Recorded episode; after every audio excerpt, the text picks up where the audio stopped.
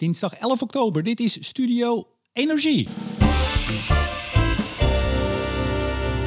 Met vandaag een nieuwe aflevering van Blik op olie en gas. Niet vanuit Hotel Windjes in Zwolle, niet met Jillis van der Beukel, maar met Midden-Oosten Defensie-energieanalist Cyril Widdershoven. Hallo. Met de marktanalist van Nederland, senior energie-econoom bij ABN AMRO, Hans van Kleef. Goeiedag. En mijn naam is Remco de Boer. Straks hebben we het over de grote verdeeldheid binnen de EU over een gasplafond. Oftewel een maximumprijs die de lidstaten nog voor aardgas zouden willen betalen. En ook als er wel overeenstemming komt, werkt zo'n maximumprijs wel of maakt hij meer kapot dan ons lief is? Waar de EU het wel over eens is, is een price cap voor Russische olie. Naast het importverbod dat op 5 december al ingaat. Wat is precies de bedoeling van een prijsplafond voor Russische olie en hoeveel effect gaat het hebben? De twee mannen zitten al uh, naastig naar me te kijken om wat te gaan zeggen, toch? Jazeker. Ja. Ja, de, de een wat gretiger dan de ander. Met uh, defensieanalist Widdershoven in de show. Jawel, gepromoveerd War Studies, King's College Londen. Kan ik me niet voorstellen dat we het niet ook hebben over de escalatie van de oorlog Rusland-Oekraïne en het Westen. Uh, en dan vooral over de implicaties op energiegebied. En we hebben het over OPEC Plus. Over de opmerkelijke en tot op zekere hoogte ook uh, zeer vermakelijke persconferentie vorige week. Maar vooral voor, over de hele dikke middelvinger die OPEC Plus, Saoedi-Arabië voorop, samen met Rusland, tegen de rest van de wereld opstaken tot grote woede van de Verenigde Staten. Maar nu eerst, heren, waar is Jilles? Geen idee. Geen idee. Weet jij het? Ja, ik weet het toevallig. Oh, okay. Ja, want het is toch even schrikken voor, uh, voor zijn fans. Die dachten, nou, dan komt hij weer. Nee, hij zit in Parijs. Om precies te zijn in het, uh, het Hilton in La Défense. Daar geeft hij, uh, nou we nemen dit op maandagmiddag om twee uur op. Hij begint op dit moment een, een, een lezing van drie uur. en dat doet hij morgen ook. En dat doet hij geloof ik heel veel. voor het Executive MBA Energy Transition van de Rijksuniversiteit Groningen. Dus ik zei, Jilles, waarom moet je dan... Parijs. nou, Parijs. Die is niet de verkeerde kant op gereden. Ja, nee, dat is dus een internationale MBA. En uh, die wordt door heel veel, voor heel veel mensen gegeven. En die komen af en toe bij elkaar als ze het niet op afstand doen. En dat is ja. nu uh, in Parijs. Uh, Machiel Mulder overigens is de program director. Machiel Mulder ook bekende energieman in Nederland. En Jilles die geeft International Oil and Gas Markets, de geschiedenis en de toekomst.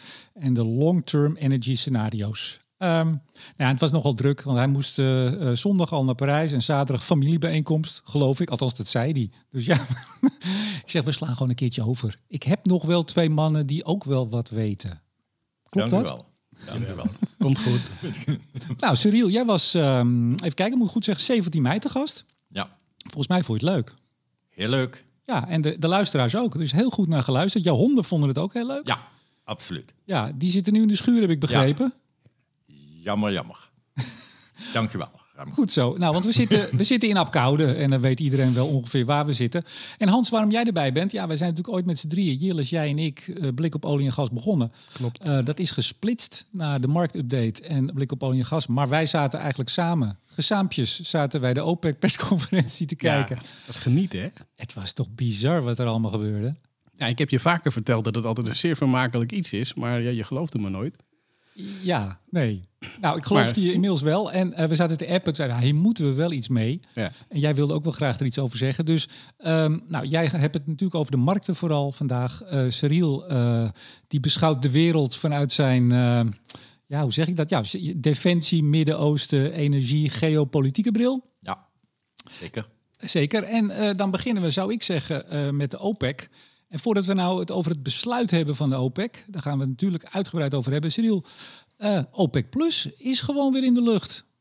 Um, ja, um, eigenlijk uh, staat het er ook wel al aan te komen. Um, je zag dat, dat Saudi en de UAE um, niet zo bereid zijn om de, de politieke visie te volgen van de EU, UK en de VS. En men heeft duidelijk nou aangegeven van wij, Saudi en UAE, um, gaan verder met Rusland. ook met name wegens mogelijke issues in Azië. Ja, maar eigenlijk is OPEC Plus dus stilzwijgend verlengd tot onbe- onbepaalde tijd.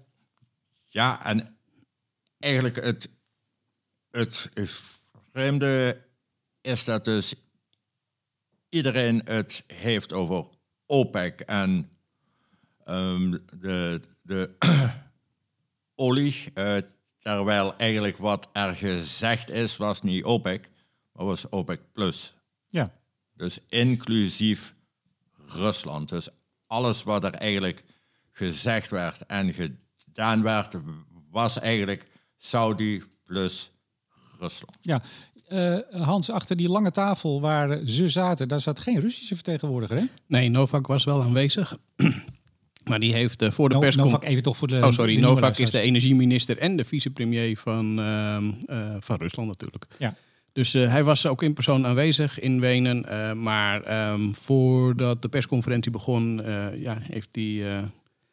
ik, weet niet, heeft hij eieren voor zich gekozen, denk ik. Maar hij heeft in ieder geval bewust gekozen om niet bij die persconferentie te gaan zitten. En eerlijk gezegd is dat ook niet zo raar, want dan zou het natuurlijk alleen maar daarover gaan en nooit meer over dit OPEC-besluit. Ja, dus ik, ik Sorry, aan ook, OPEC-plus-besluit. ja, dat ook zijn andere OPEC-vrienden hebben gezegd: joh, Novak, Misschien maar even niet. Ja. ga jij even achter zitten.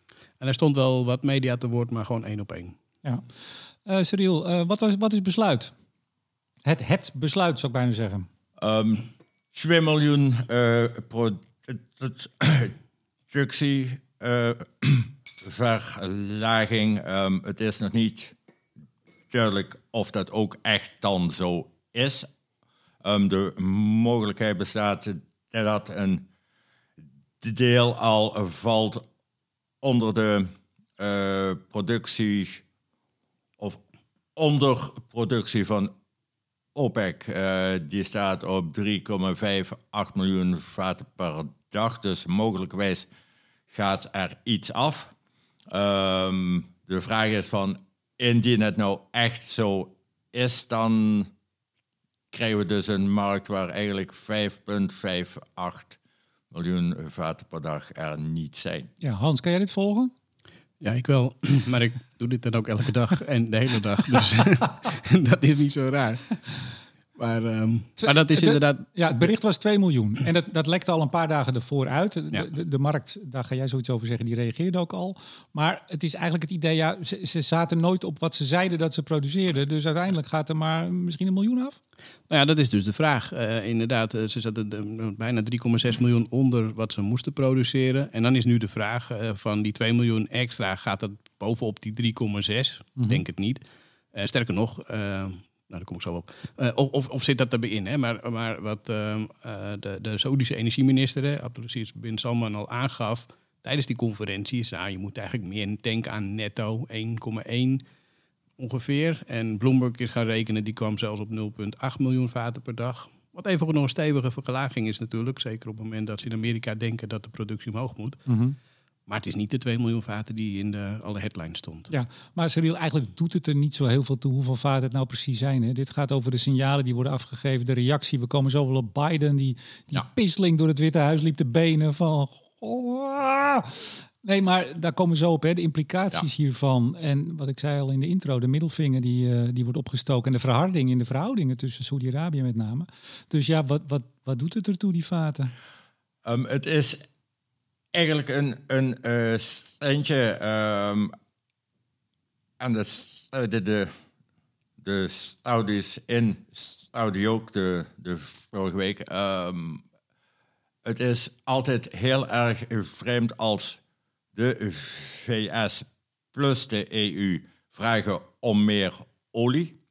En dat ze dan zelf eh, er niks aan doen. Dus eh US shale is nog veel te, te, te laag. En er is geen enkele indicatie dat er nieuwe olieproductie onstream komt in de Ja. Scha schalieolie, hè, daar heb je het over. Ja, ja Biden kwam aan het eh, bewind met, eh, nou, niet meer in federale land, we geen vergunning meer afgeven, zo min mogelijk. Ja. En dat, eh, ja, dat begint wel te wringen. Het wringt. eh, het wringt zeker indien Biden ergens nog de komende vier, vijf, zes weken een verkiezingsoverwinning ergens wil halen. Dus alles wat er nu eigenlijk is, ehm, is niet ten faveur van de Amerikaanse president. Ja, de, de midtermverkiezingen voor de Ja. Senaat is dat heel veel congres. Ja. Ik haal ze altijd door elkaar. Wat is het ook alweer? Nou, een van tweeën. Ja, Ja, 8 november. 8 november. Nee, dat wordt spannend. ja. En hij wil vooral, en zo plat is natuurlijk ook gewoon de, de benzineprijzen naar beneden. De gasoline price. ja en al- alles eh, wat hij eigenlijk al do- doet, ehm, resulteert eigenlijk niet in wat hij wil. Ja, congres. Ik heb het nog even, ik had het op mijn Ja. briefje staan. Congres, tuurlijk. Wist, wist je ook, Ja, Hans? nee, Ja, maar je uiteraard. vroeg het mij niet. Nee, ik... nou, overigens toch even vast. Eh toenadering tot Venezuela, hè? Eh, Biden staat op het punt om, eh, ik geloof Chevron, Ja. eh, toe te staan om daar maar weer actief te worden. Ja. Wat is er, Hans? Ja, dat is toch wat. Ja, Dan zit je jarenlang Venezuela in een hoekje te zetten met allerlei sancties en ze mogen niets. En vervolgens, dan komt het nu een keer goed uit en dan, dan mag Chevron die kant op. Alsof dan volgende week die kraan open gaat. Dat Ja. is, Nee, dus- maar dat is het typisch het- politiek. Het is een voornemen, toch? Of mogen ze al? Eh, het- ik ben niet verder gekomen dan voornemen. Maar of het echt het besluit al genomen is, weet ik niet. Ja. Hans, die, ehm, nou, dat, eh, dat besluit werd genomen, nogmaals, er werd al op geanticipeerd. Wat deed de markt? Nou, die liep natuurlijk al eh, op, de- op die geluiden daarvoor liep de markt wat op. Hè. Dus de olieprijs, Brentolie, denk ik dan, eh, die, die, ehm, die stond op 3,84 voor eh, aan het begin van de week. En in de, in de loop van de, ja, richting de OPEC-vergadering eh, gingen we al boven de 90. En daarna zijn we nog ietsje doorgeschoven tot zelfs 97 dollar per vat vanmorgen vroeg. Ja, dat zag ik ook.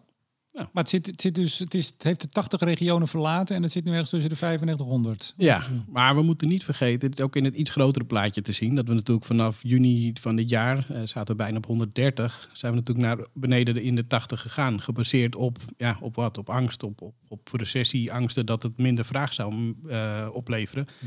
En natuurlijk eh, neemt die vraag wel ietsje af, maar dat ja, rechtvaardigt niet een prijsdaling van 130 naar 80. Dus in mijn eh, beleving was die al veel te ver naar beneden doorgeschoten. Dus ja, dan duurt het niet lang voordat hedgefonds en andere partijen gaan zoeken naar een headline die past bij hun eh, nieuwe posities, Ja. eh, zal ik maar zeggen. Jij en, zei en ook- dit past daarbij. Jij zei het ook in de vorige marktupdate Ja. dat hij veel te laag was. Jij was wel blij natuurlijk. Ja, zie Ik je had, wel? gewoon, ik had gewoon gelijk. Ja, Ja. dat- Het is wel, eh, wel leuk trouwens dat jij nu ook allemaal luisteraars op dinsdag er weer bij hebt. Hè? Normaal ben je op zaterdag. Maar ja, eh, ja, precies. Er ligt Nee, een wereld dat is, open eh, voor je weer. Ja, dat is mooi. Cyril, de prijs. Wat vond je van de markt? Had de markt het weer eens goed? Zit de markt verkeerd? Komt de recessie? Gaat die olievraag doen? Jij weet alles. En, en, en. ehm, heeft de ma- eh, markt het goed? Uiteindelijk altijd. Ja, ehm, staat ze fout? Jazeker, ik be- ik ben het ook eens met Hans. Eh, prijsverwachting denk ik eerder nog een stukje hoger. Ehm, komt er een recessie? Dat roepen we ook al maanden eh, en maanden. Ehm, ik zie het nog niet echt en Azië gaat weer open. Wacht, Ehm, wacht even, check even. Hans, is dat zo? Gaat Azië open? Geen lockdowns meer? Nou, of helemaal geen lockdown, dat, zou, dat durf ik niet te zeggen. Maar je ziet wel dat, dat er steeds meer activiteiten Ja. zijn, ja. Oké. Moet ook wel, want die economie, eh, ook China in de afgelopen weekend weer allemaal cijfers uit. Die, ja, die waren toch niet al te best. Dus ze, ze moeten wel weer eh, de, de, Ja. de economie een beetje aanslingeren. Ja, Cyril. Ja, dus ehm, er zijn eh, meer indicaties dat er een, een stabiele eh, vraag van olie blijft ehm, en niet een afnemende vraag. Ja, nou, we gaan het zo over hebben, want de reacties waren eh, nogmaals vanuit Amerika eh, zeer negatief. Maar ook tijdens de persconferentie, Hans, wij kijken samen, jij hebt hem ook gezien, hè, Cyril? Ja.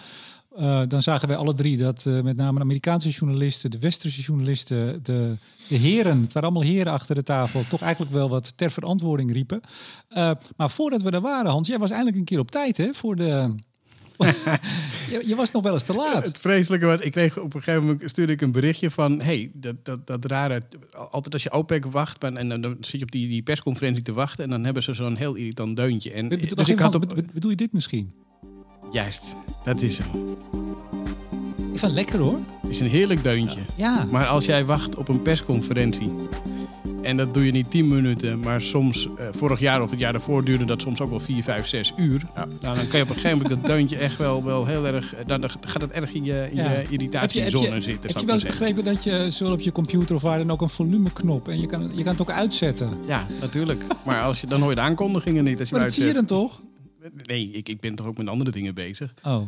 Maar, ehm, dus ik, ik stuurde een tweet van, van hey, dat, dat irritante deuntje is er niet. En vervolgens kreeg ik reacties, ah, maar dan ben je dus wel op tijd. Ja. Denk, dus, Ja, nee, dat was heel goed. Maar even toch, ja, ik vind het leuk. Want eh, het was niet alleen dat dit geluidje er was, maar op een gegeven moment gebeurde er ook dit. Het was Hans, één grote. Jij zal het ook gezien hebben, Cyril. één grote chaos. Hier ging nog iemand. Ik, ik heb dat niet op kunnen nemen. Hallo! test, test. Test, ja, ja. test, hallo! Maar ze waren voor het eerst weer bij elkaar, hè? Ja, sinds november vorig jaar. Dus eh, ik denk dat het voor iedereen, eh, die, die, die waren ja, uitzinnig natuurlijk van vreugde dat ze elkaar weer zagen. Dus eh, dat, dat, eh, dat heeft denk ik, eh, is ten koste gaan van de techniek. Eh, het was allemaal in het Engels, behalve af en toe in het Arabisch. En dat, Cyril, kan jij volgen? Ja, Dus wij, wij, hebben, wij hebben dingen gemist. altijd. Maar jij, jij, jij kan gewoon. Redelijk wat, ja. Oké, nou dan misschien kun jij ons straks er nog bijpraten wat wij, eh, wij eh, niet-Arabisch sprekende heren eh, gemist hebben. Maar toen gebeurde er wel het een en ander. Ze werden eigenlijk, zeg ik maar, ter verantwoording geroepen door een aantal journalisten. Of die vertaalden eigenlijk het geluid van met name Biden. En toen was er één iemand van Reuters en die, die wilde even een vraag stellen aan, jij noemde hem al, net al, prins Abdulaziz bin Salman Al Saud. Ja, laten we dat Ja. toch zeker niet vergeten. Eh, hij is ook weer de nieuwe energieminister, geloof ik. Hè? Mag zit er al blijven. een tijdje. ja. Ja, ja, ja. En eh, daar wilde Reuters even een vraag aan stellen. En eh, toen zei meneer eh, Bin Salman dit. Alex Lawler from Reuters News Agency. Um, I had two questions. The So, first but is no, no, no, Alex, I have to talk to you about. So you have got it wrong, okay. and you have got it wrong twice, Before I ask a question, I and you will get it three, the third time if you, you know, you did uh, as Reuters did not do a proper job. Ja, nou, dat is ook wel eens verfrissend. Dat je zegt, nou ja, jullie hebben gewoon, gewoon heel slecht, slecht werk geleverd als Reuters. We komen zo op, de, op of dat nou eigenlijk wel waar is. Maar dat ging best een minuut, anderhalve minuut door... waarin hij helemaal uitlegde dat hij ze te woord had gestaan. Reuters had gezegd, Russen en Saoedi's zitten eigenlijk samen onder een hoedje... om de olieprijs op 100 dollar te houden... zodat eh, Poetin genoeg inkomsten voor de, voor de oorlog houdt, onder andere. Hij zei, dat is absoluut niet waar. Ik heb nog 25, nee, eerst zei hij 20. 25 minuten heb ik het uitgelegd aan een collega van je. Het had allemaal geen zin, jullie schrijven maar wat. En toen zei hij tot slot dit. But if you have question, direct it to others, but not me. I'm not talking to Reuters until you respect the source, which is the energy minister, on behalf of the Saudi government. Okay, thank you. I won't ask. So you ask the questions to any of my colleagues. Hans, is dit nog iets voor, eh, voor Rutte? Voor Rutte. Ja, gewoon op een persconferentie. Nou, ik, jij doet zo slecht werk, ik, ik ga jou geen antwoord meer geven. Ja, zou dat werken hier? Ik denk het niet, hè? Nee, zou ik niet goed doen, denk Nee. ik. C- Cyril, ehm, wie, wie had hier ja, gelijk? Nogmaals, de, de energieminister van Saudi-Arabië is echt heel boos. Want hij gaf aan iedereen gaf hij wel een opmerking, ook, ook soms heel charmant en leuk. Maar hij zei eigenlijk, wij zitten niet onder één hoedje met Rusland te spelen. Is dat zo? Ehm, ik denk het niet en ik denk dat eh, Reuters en Bloomberg en al die anderen precies eigenlijk hetzelfde zeggen. Er is duidelijk een overleg tussen Riyadh en, en Moskou. Het is uiteraard ehm, wel dat prins Abdul Aziz op dit moment niks anders kan roepen. Want hou er even rekening mee. Er speelt natuurlijk voor Saudi nog iets meer dan olie en gas. Er is natuurlijk ook nog een issue van wapens en financiering. En er komt weer een FII 2022 aan. Dus eh, Wat is dat? het eh Davos in de, de, de, eh, desert, dus waar alle grote hedge funds en BlackRocks en vroeger misschien ook ABN AMRO ook eh, rondliepen. Eh, de Nederlanders die eh, lo- lopen er dan iets minder rond. De rest natuurlijk wel. En elke hint dat men aan het samen werken is met Rusland, wordt op dit moment natuurlijk even weggehouden. Ja, Hans, hij zei, hij zei eh, ja, je schreef toen op de dag dat het uitkwam dat ik met de Rus had gesproken en dat we het op de 100 dollar proberen te houden, is gewoon niks van waar. Ja, ik dacht ook, hij is er wel zo fel over en hij wil niet eens meer antwoord geven. Dan laat je ook de verdenking op je dat het misschien wel eens waar, wel eens waar kan zijn. Ja, nou ja, goed. Het, het was, kijk, OPEC die zegt altijd dat ze niet sturen op de prijs. Ze kijken naar vraag en aanbod. En goed, dat bepaalt de prijs dus uiteindelijk wel. Maar zij sturen niet op een bepaalde prijs. En, en ehm, dus als je het puur Ja, zeggen ze. daarna... Nou goed, dat, dat zeg je, Ja. ja, tuurlijk. Ja. Maar ja, als je daarnaar kijkt, is het in lijn met wat hij altijd zei. Eh, en ja, het blijft lastig inschatting. Ik bedoel, je zit er niet bij in die achterkamertjes. Dus ja. Nee, maar ze, ik bedoel, Cyril, ze zijn wel bezig om. Nou, ze willen gewoon niet dat de prijs onder een bepaald niveau daalt. Dat heeft met de staatsinkomsten te maken. Want Ja. financieren van eh, het huishoudboekje. Ja, Ja. het moet op een bepaalde prijs. Nou was er wel meteen.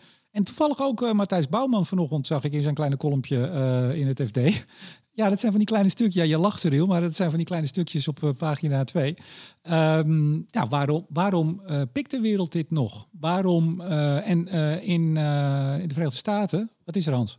Ja. Ja, Je zegt, geef even een seintje als ik wat wil zeggen. Je staat keurig je vinger op. Oh ja, mooi hè? Ja, Ja, nou, hier had ik het toevallig van de week eh, met, ehm, met Hans de Geus op RTL Z over. Want die had, had bedacht dat je naast OPEC ook eigenlijk een OPIC zou moeten hebben. Oftewel een, een organisatie voor importerende landen. Maar ja, dan loop je toch wel tegen een aantal factoren aan... waardoor een OPEC wel en een OPIC volgens mij niet werkt. Mhm. Ehm, wil je dat, dat, dat we daar nu op ingaan of dat niet? Maar Nou- dat, dat matcht wel een beetje met het geluid wat... nou wat- e- even, ik, ik, ga, ik ga even, ik kom zo bij je terug. Ik ga even naar, naar Cyril. Maar eh, aan, sancties. Eh, en, en waar gaat het dan over? Eh Anti-kartelzaken aanspannen, eh, naar de rechter stappen, exportsancties, schreef Matthijs ook, maar er zijn er meer. Want in, in de VS, Chuck Schumer, de majority Ja. leader in de Senaat, die, ze hebben de no-pack-wet weer van stal gehaald, 20 Ja. jaar oud. om daarmee met die wet in de hand eigenlijk zaken aan te spannen tegen de OPEC-landen voor het, nou ja, ja, kartelzaken. Wat vind je ervan? Ehm, ik herhaal het antwoord eh, wat ik gaf bij Al Jazeera gisteren. NOPEC is een eh, juridische issue die aan natuurlijk ehm, de US Congress plus president Biden moeten dit nog even regelen. Ja, want er ja. wordt, er wordt ook gezegd, er is geen intentie om hem in te voeren, maar er wordt mee gedreigd. Hè? Het hangt boven de markt.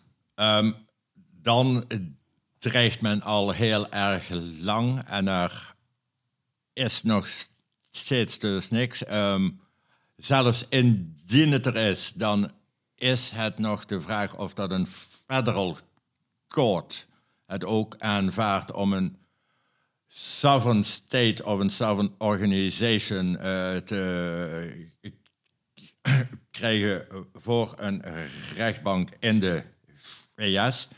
Heel veel Amerikaanse organisaties zijn het er ook niet mee eens. Ook Exxon en Chevron, et cetera. En ten derde van, ja, is het effectief? Want is het een kartel? Wij noemen het altijd zo. Men heeft natuurlijk wel een he- hele grote macht. Alleen eh, juridisch gezien, wanneer is het het nou wel en wanneer niet? En natuurlijk, ehm, heel veel internationale olies zitten ook in landen waar OPEC natuurlijk eh, de baas is. Dus ehm, er zal dan, indien wij iets doen, gaan zij ook iets doen. Ja, want in hoeverre zullen ze überhaupt sancties aanvaarden? Kijk, dan via een rechter kan je van alles opleggen, maar een, Niet. een, een export- of import eh, ja. Eh, nou ja, of je moet ze platleggen en dat je niks meer naar ze exporteert op andere vlakken wat ze nodig hebben. Dan, Er, er, er zijn natuurlijk US senators die dan roepen van oké, we can take Saudi over or we send in the army, et cetera. Ehm, indien jij olie en gas wil, net zoals bij Irak, dan is het altijd veel interessanter, commercieel ook simpeler om dat gewoon niet te sanctioneren eh, of niet een militaire ja. Ja. Ja, maar de Saudi- Saudis kunnen natuurlijk altijd de kraan dichtdraaien. Dus in die Ja. zin hebben ze altijd, Ja. eh, kunnen ze altijd last, eh, of Amerika lastig maken. Ook, Ja. ook Maar- alleen. Ja, maar Hans, daar wil ik even iets over. Eh, OPEC Plus is 23 landen. Zoiets. Ja, Om en erbij. 22. dacht ik. 40, 40% van de markt. Maar in handen zeg ik. 60% zit dus ergens anders. Hoe komt het dat 40% partijen die 40% van de markt hebben, die totale markt beheersen? Omdat, denk ik, eh, die 40% geregeld wordt door 40 ehm, staatshoofden. En de rest is allemaal in commerciële handen. En die kijken dus naar onder de streep, gaan we wel of niet produceren. En deze staatshoofden, die bepalen eigenlijk de productiequota. Hm. En dan zijn er nog maar weer een enkeling, eh, met name in de UAE en, en Saudi-Arabië natuurlijk, die ook bereid zijn om minder te produceren dan ze kunnen. Ja. Ja, want ik, ik las dat, ook... ja, Ja? dat maakt ze een swing producer en, en dat maakt dat hun slagkracht zo groot is. Ja. Ze kunnen niet alleen meer doen, maar ook minder. Ik zag een quote van eh, Jeff Curry, eh grondstoffenstratege Goldman Sachs. Die zegt, er zijn gewoon geen landen die het effect van OPEC teniet kunnen doen. Er is geen kracht op de markt die er tegenin kan. En eigenlijk is OPEC wat hem betreft ook op, het, op de hoogtepunt van zijn macht op dit moment. Van de afgelopen 60 jaar nooit zo machtig geweest. Is dat zo? Ja, dat weet ik niet.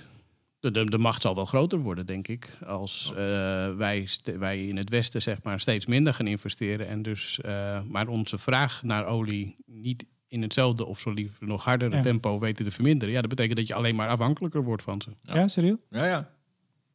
Ehm, eh, OPEC is sterk en alles eh, wat wij sinds 2007, 2008 aan het doen zijn, eh, versterkt de positie van OPEC als Shell, Exxon, Eni, et cetera, eh, minder olie en gas produceren.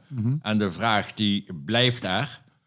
Dan ga je het vragen bij iemand anders. En als dat een nationaal georganiseerde organisatie is met een lange termijn strategie, dan krijg je een positie eh, die theoretisch gezien de markt zou kunnen beïnvloeden. Ik zag, ik zag een quote van, eh, dat heeft ze gezegd, minister Ollongren van Defensie. eh, Ja. Bij de een, eh, lezing voor het FD, althans een samenkomst van het FD. Ze zeiden Nederland moet de wapenindustrie weer durven omarmen. En zat het met name over de pensioenfondsen die net zoals Ja. olie en gas in het Westen in het verdomhoekje hebben gezet. Ook de wapenindustrie. En zij zegt nu, nou ja, durf ze weer te omarmen. Ze moeten uit het verdomhoekje. Ik vond het Ja. best een opvallende quote voor een Nederlandse minister. Ehm, ik denk dat, ook al ben ik het niet heel vaak met haar eens, deze keer misschien wel, en misschien maak ik nu mensen enigszins kwaad, maar ehm, Omdat je het eens bent met D66, heb je dat soort vrienden en kennis om je heen. het is, kijk, wanneer jij een, een, een aantal economisch strategische sectoren hebt die doodgewoon noodzakelijk zijn voor de komende jaren, dan is defensie, olie en gas, eh, infrastructuur, havens, eh, scheepvaart is een sector waar wij absoluut niet van zouden mogen roepen. En zeker het ABP niet, waar niet het merendeel van eh, het leden zei van ga nou eruit. Ja. Ja. ehm, dat daar dan een, een strategie is die niet ten faveur is van onze eh, eh, zekerheid. Ja. Nou ja, ze zijn uit fossiel aan het stappen. En eh, dat, Ja. gaan er, dat zijn er meer. Sommige zijn er volgens mij al uit kleintjes. En eh, de Ja. andere gaan eruit, Hans. Ja. Ja, moet je ervan zeggen. Ja, weinig. Als senior energie-econoom bij ABN AMRO. Ja, daar kan je Ja. weinig over zeggen natuurlijk. Even tot slot van dit rondje. Dan gaan we naar Europa. Ehm, Hans, ehm, nog even. We hebben het er vaker over gehad. We hebben er ook wel eens een beetje grapjes over gemaakt. Biden die op een soort bedeltocht naar Saudi-Arabië ging. Kunt u toch alsjeblieft hem openzetten, de kraan? Eh, Venezuela, die nu Maduro. Eh, goh, wat, dat was echt, nou ja, ik weet niet of ze als terreur zijn aange- aangemerkt door de Verenigde Staten, maar het scheelde niet veel. Ze zijn helemaal platgelegd, dat land. En nu eh, ook daar met de bedeltocht. ehm, zegt dit iets over gewoon nieuwe geopolitieke verhoudingen überhaupt in de wereld? Dat zegt vooral, denk ik, ook voor hoe die ervoor staat in de peilingen. Maar eh, nee, ja, kijk, onder Trump was het natuurlijk een iets ander verhaal. Maar die ging ook heel anders om met Rusland en met, met de Saudis. Dus eh, in die zin zegt het veel over de Democraten, over hoe Biden ervoor staat. Ehm, maar ook over hoe het energiebeleid de afgelopen jaren, dat was natuurlijk al onder Obama eh, ingezet. Of misschien al, een, waarbij Biden volgens mij ook een hele stevige vinger in de pap had. Ehm, ja, da- da- daar zien we nu de gevolgen van. En ja, dan, dan ja, in feite leidt dat gewoon tot schaarste overal. Dus dat, eh, ja, dat heeft nare gevolgen. En als je dan hoge prijzen krijgt, en dat, eh, ja, zeker in verkiezingstijd is dat niet, eh, niet fijn. Ja. Cyril? En natuurlijk ehm, in een groot aantal regio's. Ja,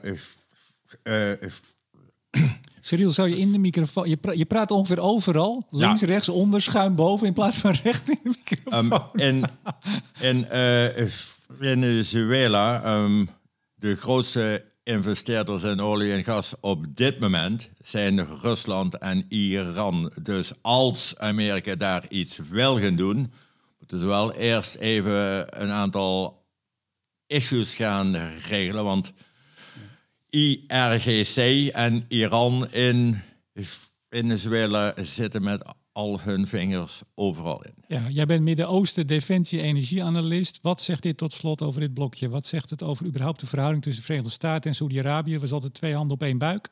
Ook als het ging over allerlei veiligheidsissues in het Midden-Oosten, wapenleveranties. Zie je daar ook al verandering of is dat nog gewoon op de oude voet verder?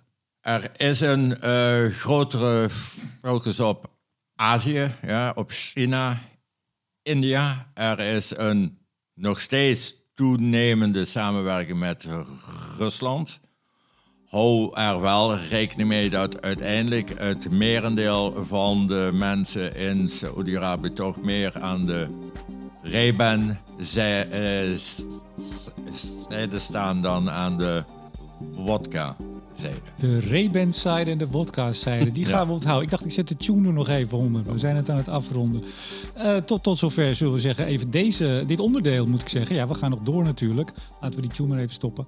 Ehm, het gasplafond in, eh, Hans, in eh, Europa. Nou, er, wordt al een paar weken bij allerlei toppen en voortoppen en ministeriële bijeenkomsten wordt erover vergaderd. Er zijn ook weer allerlei vormen van het plafond, maar het lukt allemaal maar niet. Nee, gek. Grote oneenigheid. Ja, Wat is er aan de hand? nou ja, eh, er, zijn, er zijn wat mensen in de Europese eh, Commissie die denken dat als je een gasplafond eh, eh, invoert, ja, dat je dan de rest van de wereld kan dwingen om dan eh, dat gas eh, voor die prijs naar jou toe te Ik brengen. moet je corrigeren. Het is niet in de Europese Commissie. Die zijn er ook niet voor. Het zijn lidstaten.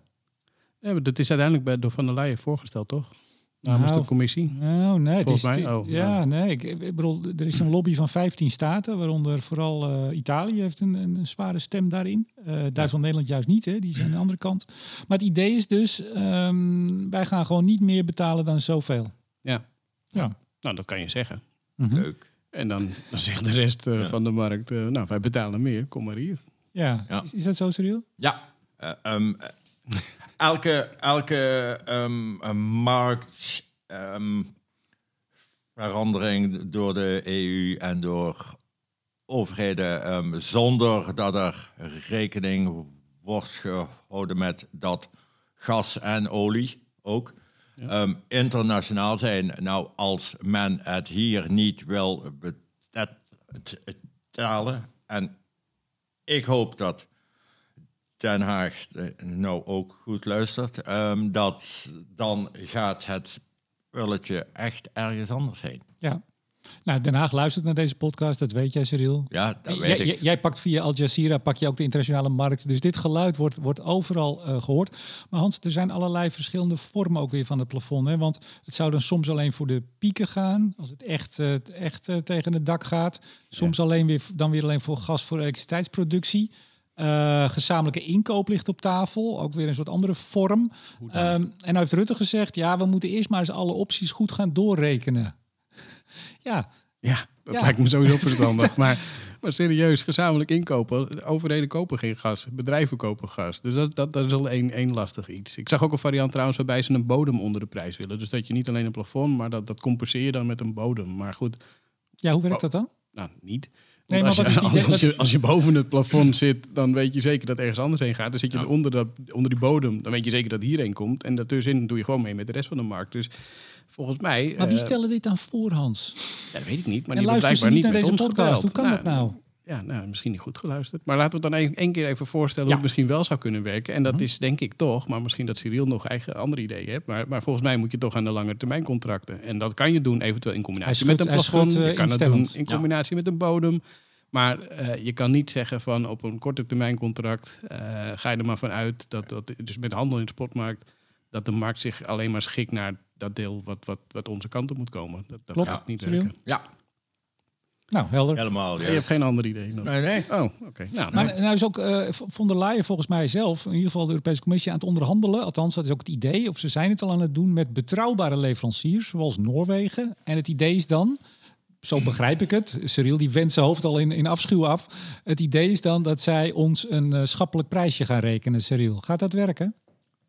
Heel erg simpel, nee. Ehm, kijk, het- het- dat het uiteindelijk nou eens goed is dat de EU en ook alle, alle, alle eh, lidstaten eindelijk gaan praten met olie- en gasproducerende landen, eh, denk ik dat dat juist is. Of dat het effectief is in het verkrijgen van de noodzakelijke volumes voor 2022, 23 en 24. Ik betwijfel het.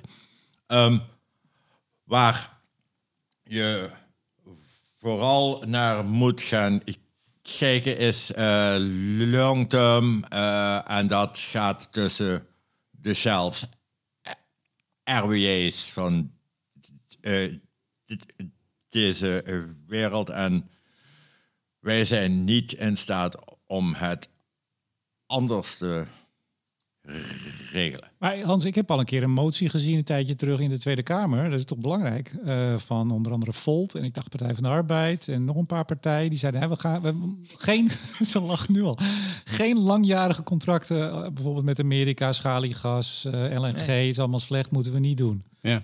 Ja. Nee, bedoel, het- volgens mij heeft hij het niet gered, die motie. Maar je, dat is wel een sentiment in een flink deel van de Kamer. Misschien geen meerderheid, maar toch wel van, nou, dat, dat willen we ook niet. Nee, je wil het niet. Maar aan de andere kant weten we dat onze energiemix eh, heel erg leunt nog steeds op het gebruik van gas. Dat is niet alleen nu en volgend jaar, dat gaat nog veel langer duren. En natuurlijk, dan kan je de ambitie hebben om daar zo snel mogelijk van af te willen. En misschien gaat dat sneller dan dat de lengte van die contracten zijn.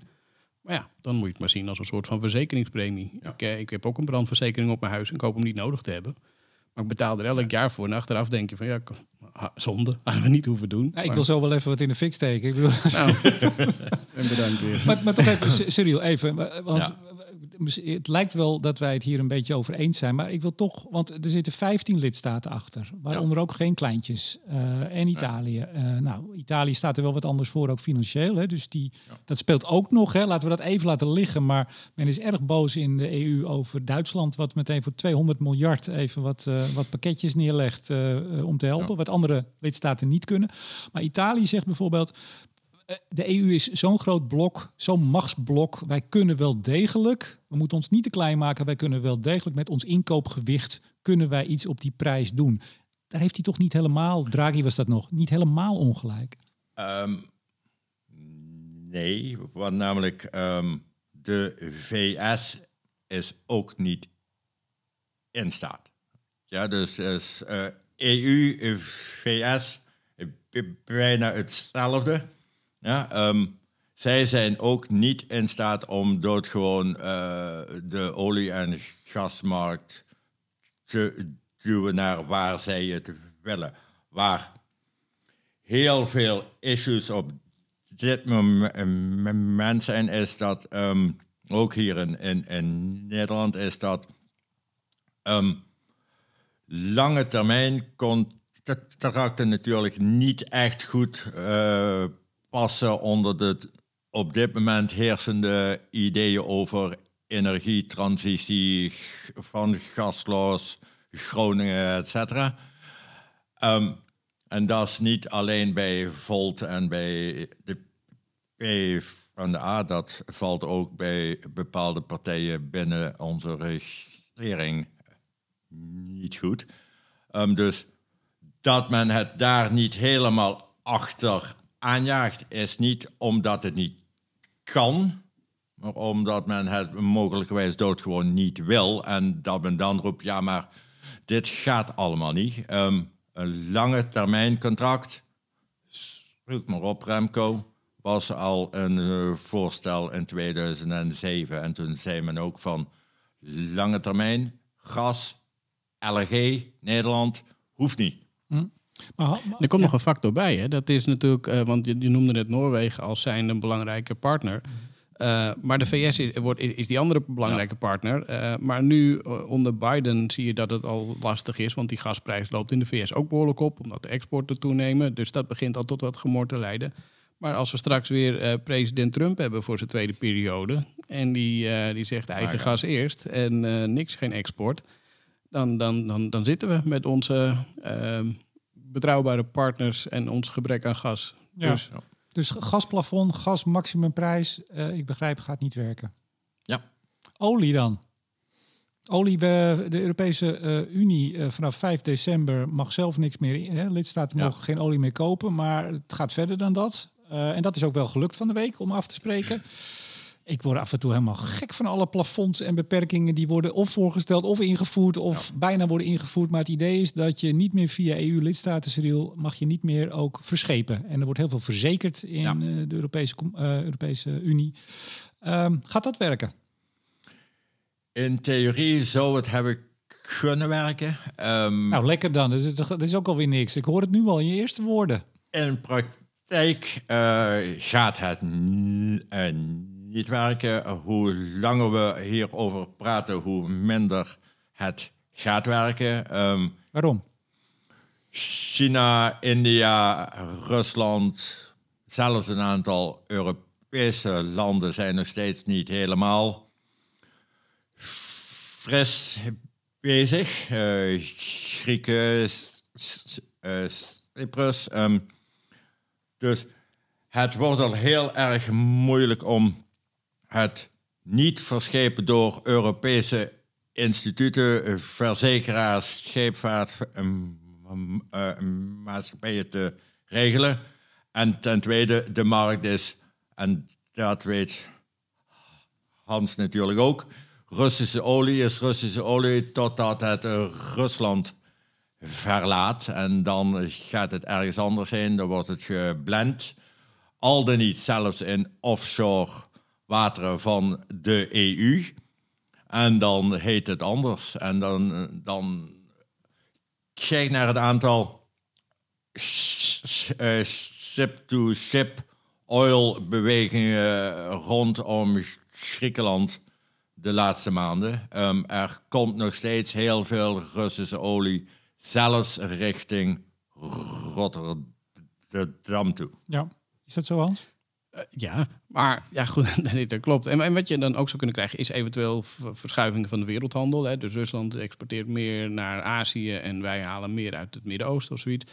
Dus in die meer, zin, meer olie naar... Meer, ja, precies. Ja. En, ja. en waar we natuurlijk in, in, Europa een enorm probleem mee hebben, dat zijn de olieproducten. En onze ja. raffinatiecapaciteit is natuurlijk de laatste jaren al, al behoorlijk afgebouwd. Ik bedoel, ga maar eens denken in Frankrijk vandaag de dag. Dat... Ja, maar dat heeft met iets anders te maken. Natuurlijk wel. Stakingen. Maar... Is, ook wel, is ook wel wat even, hè?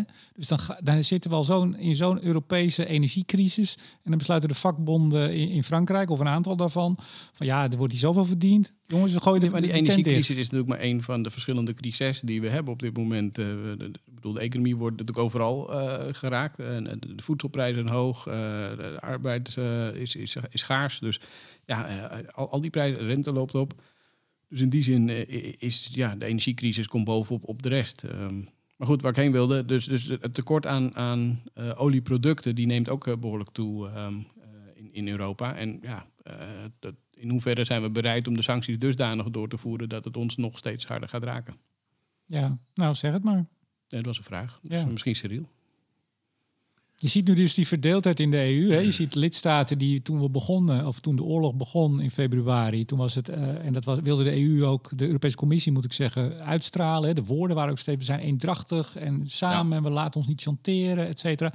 En nu zie je toch al Uh, ik twitterde er van de week over. Er worden mensen ook wel boos, hè? want je mag ook bijna dat niet uh, benoemen. Maar het is toch wel vrij duidelijk. Nieuwsuur had een lang stuk. Lidstaten staan tegenover elkaar op onderdelen. En dat is wat Poetin natuurlijk wil. Hoe langer dit duurt, hoe meer we tegenover elkaar komen te staan, hoe groter de verdeeldheid. Um, ja, um, waar natuurlijk ik nog steeds een, een vraag dan heb. Um, olie- en gasprijzen voor Oekraïne waren dus ook al hoog. En soms doodgewoon even hoog. Dus niet alles is Oekraïne. Um, dat er verdeeldheid ontstaat, dat is op zich misschien eigenlijk ook maar goed. Ja, er, er mag nog steeds dat je het ergens niet mee eens bent en dat het pijn doet ook. maar om nu alles op hogere energieprijzen te gooien. Er waren al heel veel dingen die niet goed gingen. Logistiek, uh, Azië, uh, voedsel, uh, je noemt het maar allemaal op. En men kijkt nu naar energie, energie. Mm Maar de impact van energie op alles is doodgewoon de laatste jaren wel structureel achteruit gegaan. Dus zelfs bij extreem hoge prijzen neemt de, de vraag nog steeds eigenlijk niet af. En het consumentengedrag, wat ik zie, tenminste op vrijdag, zaterdag en zondag, ehm, ik zie nog steeds de, de files. Dus het is ook wel een, een vraagje van, is er nou wel echt een oppositie die er tegen is, die iets anders wil? Of is het nou een eerste indicatie dat het ergens niet meer goed gaat? Mm. Ja, jij ziet die files natuurlijk in Duitsland staan. Jij kijkt uit je woonkamer, kijk je over de Duitse grens. Ja, en daar was het nog heel erg druk. Echt heel erg druk. Ja, ze moeten 200 miljard uitgeven, dus daar ja, ben je nee, even zoet mee. Ja, juist. Um, even toch nog, uh, dit is geen geopolitieke uh, podcast, nee. maar toch even, jij bent een, een War Studies uh, gepromoveerde ja. in, in, in, Londen. Hoe kijk jij toch naar, nou ja, dat zijn mijn woorden dan maar als leek op dit vlak, een escalatie in de oorlog, aanslag op de brug. We hebben eerst Nord Stream gehad, wie het ook gedaan heeft. Vandaag, ja. maandag, gewoon bombarderen van Kiev en andere steden, gewoon flats, flatgebouwen, woonwijken, infrastructuur aanpakken. Um, waar gaan we heen? Ah, um, de, de vraag is van, is het een escalatie of is het een, een normale militaire fase in een oorlog? Um, een normale fase om flats in de nee, hoofdstad nee, van de dus, tegenstander dus, te bombarderen? Dus de, de, de ontploffing op de brug naar de Krim, die zat er dood gewoon aan te komen. Aan te komen. ja. um, ja. De reactie van Rusland, die wist ook iedereen. En Russische wapens zijn A niet zo trefzeker als andere. Ja? En Russen maakt het ook niet echt heel veel uit waar iets valt, als het maar valt. Um, dus of dat dit nu, nu al een echte escalatie is, is de vraag. De mogelijke eerste indicatie dat er een escalatie gaat aankomen, is dat Rusland en uh, Wit-Rusland nu officieel samen gaan werken voor de bescherming van de westerse grenzen van Wit-Rusland. Nou, dat is op zich natuurlijk wel een escalatie. Dat is recent. Uh, dat, dat, dat was vandaag ook op het nieuws. Ja. En die, uh, Hans, toch ook even, uh, dus misschien niet jouw, uh, jouw cup of tea, maar de, de infrastructuur, de energieinfrastructuur, de Noren zijn al bezig om, of die hebben hun leger erop gezet te, ja. te bewaken. Heb, je, heb jij, hoor jij dan iets in de markt dat we dat in Nederland ook al doen? Bijvoorbeeld LNG-terminal, Eemshaven, Rotterdam? Nee, ik hoor dat niet. Maar goed, je mag toch aannemen dat, dat, dat daar zeker naar gekeken wordt en al werd. ik bedoel, dat, dat, dat is niet bekend. Dit onderwerp staat ook al heel lang hier op de agenda. Is dat zo, Cyril? Gebeurt um, dat? Gebeurde het al? Ik zei dat op de agenda staat. Ik zei niet dat het gebeurde. um, het, het gebeurde. Het is natuurlijk wel minder dan wat had moeten zijn. Uh, ja. de Nederlandse marine is nog niet echt erop vooruit gegaan. Dat men er nu naar geestig naar aan het kijken is. ehm, het, het zou wel heel erg vreemd zijn indien niet. Of dat het mogelijk is, dat is een andere vraag. Ja, eh, er ligt natuurlijk wel heel erg veel gas, olie en stroom en internet. Dus Offshore en onshore. voor iemand die echt iets wil doen, eh, nou, dat is niet zo heel erg. Nee, we zagen za- zaterdag in Duitsland, in Noord-Duitsland, Ja. urenlang het hele treinverkeer Ja. plat. Sabotage, dat hebben de veiligheidsdiensten in ieder geval al gezegd. Eh, wie niet, eh, maar kabels Ja. doorgeknipt voor communicatie. Ja. En dat hebben we in Nederland ook wel eens gehad. Als het communicatiesysteem Ja. plat ligt, ligt ook meteen het hele treinstelsel plat. Zo makkelijk. Ik geloof twee kabels doorgeknipt. Ja, Zo makkelijk is het. Nou, we gaan het... Digitale tijdperk, hè? ja, Misschien moet je je podcast ook op een cassette recorder Ja. weer eens uitbrengen. leuk. Nou, ik heb toevallig een eh, wat groot formaat cassette recorder op dit moment bij me. Dus dat, Oh, kijk, eh, kijk, kijk. zo kan je altijd zien. Nee, maar ja, ehm, ehm, nou ja, ik moet zeggen, ja, laat ik even voor mezelf. Ik, ik, we hebben het steeds over de nucleaire dreigingen. Ja. En, en Biden is, of eh, Poetin is door Biden te verstaan gegeven wat de consequenties zullen zijn. En die zijn niet mals als hij eraan begint. Ja. Maar het kan natuurlijk op zijn houtje touwtje met, er zijn vast al agenten, Russische agenten in het Westen, in alle landen. En die kunnen met relatief eh, houtje touwtje middelen, kunnen die enorme chaos veroorzaken in westerse digitale economieën. Het, het meest simpele is, en daar heeft natuurlijk eh, niemand het over, een EMP.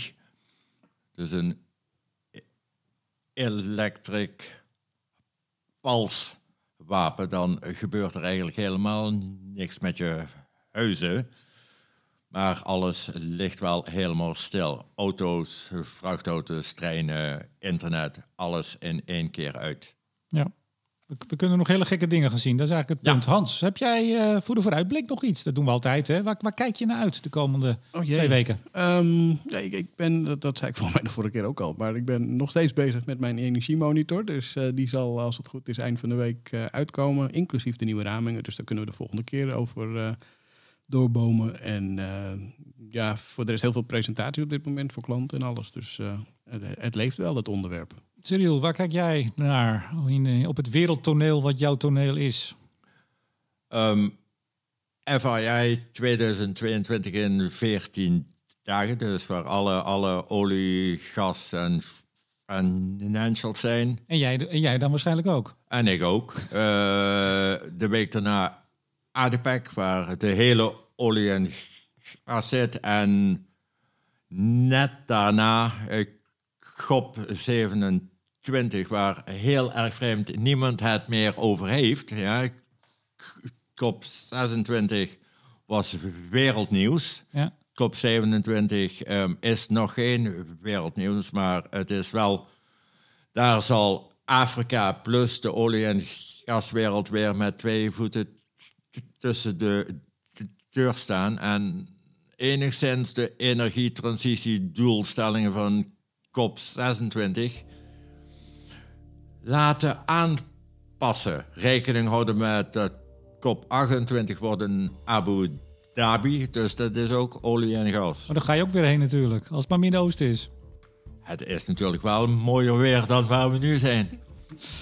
Ja. Het, is trouwens in, in, eh, in Sharm el-Sheikh hè, deze keer, Ja. geloof ik. Ja, Ik hoorde dat je daar alleen met de vliegtuig heen kan. Klopt dat?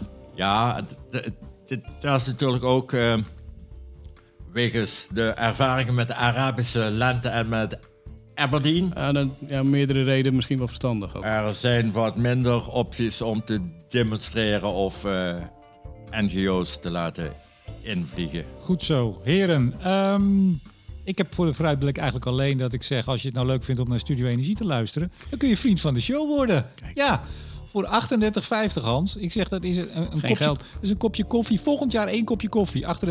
Inflatie gaat gierend gek. Dus word, word vriend van de show. Ga naar vriendvandeshow.nl. Zoek even Studio Energie op en het wijst zich vanzelf. 366 vrienden gingen je al voor. Nou, misschien leuk, dacht ik. Ja, met de marktupdate hebben we er 400. Kijk eens aan. Is dat zo? Weet ik niet. Ik weet niet. We gaan afronden, jongens. Tot zover deze aflevering van Blik op olie en gas. Met Midden-Oosten Defensie Energieanalist Cyril Widdershoven. Dankjewel. Met de marktanalist van Nederland, senior energie-econoom bij ABN AMRO, Hans van Kleef. Tot de volgende keer. En mijn naam is Remco de Boer. En inderdaad, graag tot de volgende keer.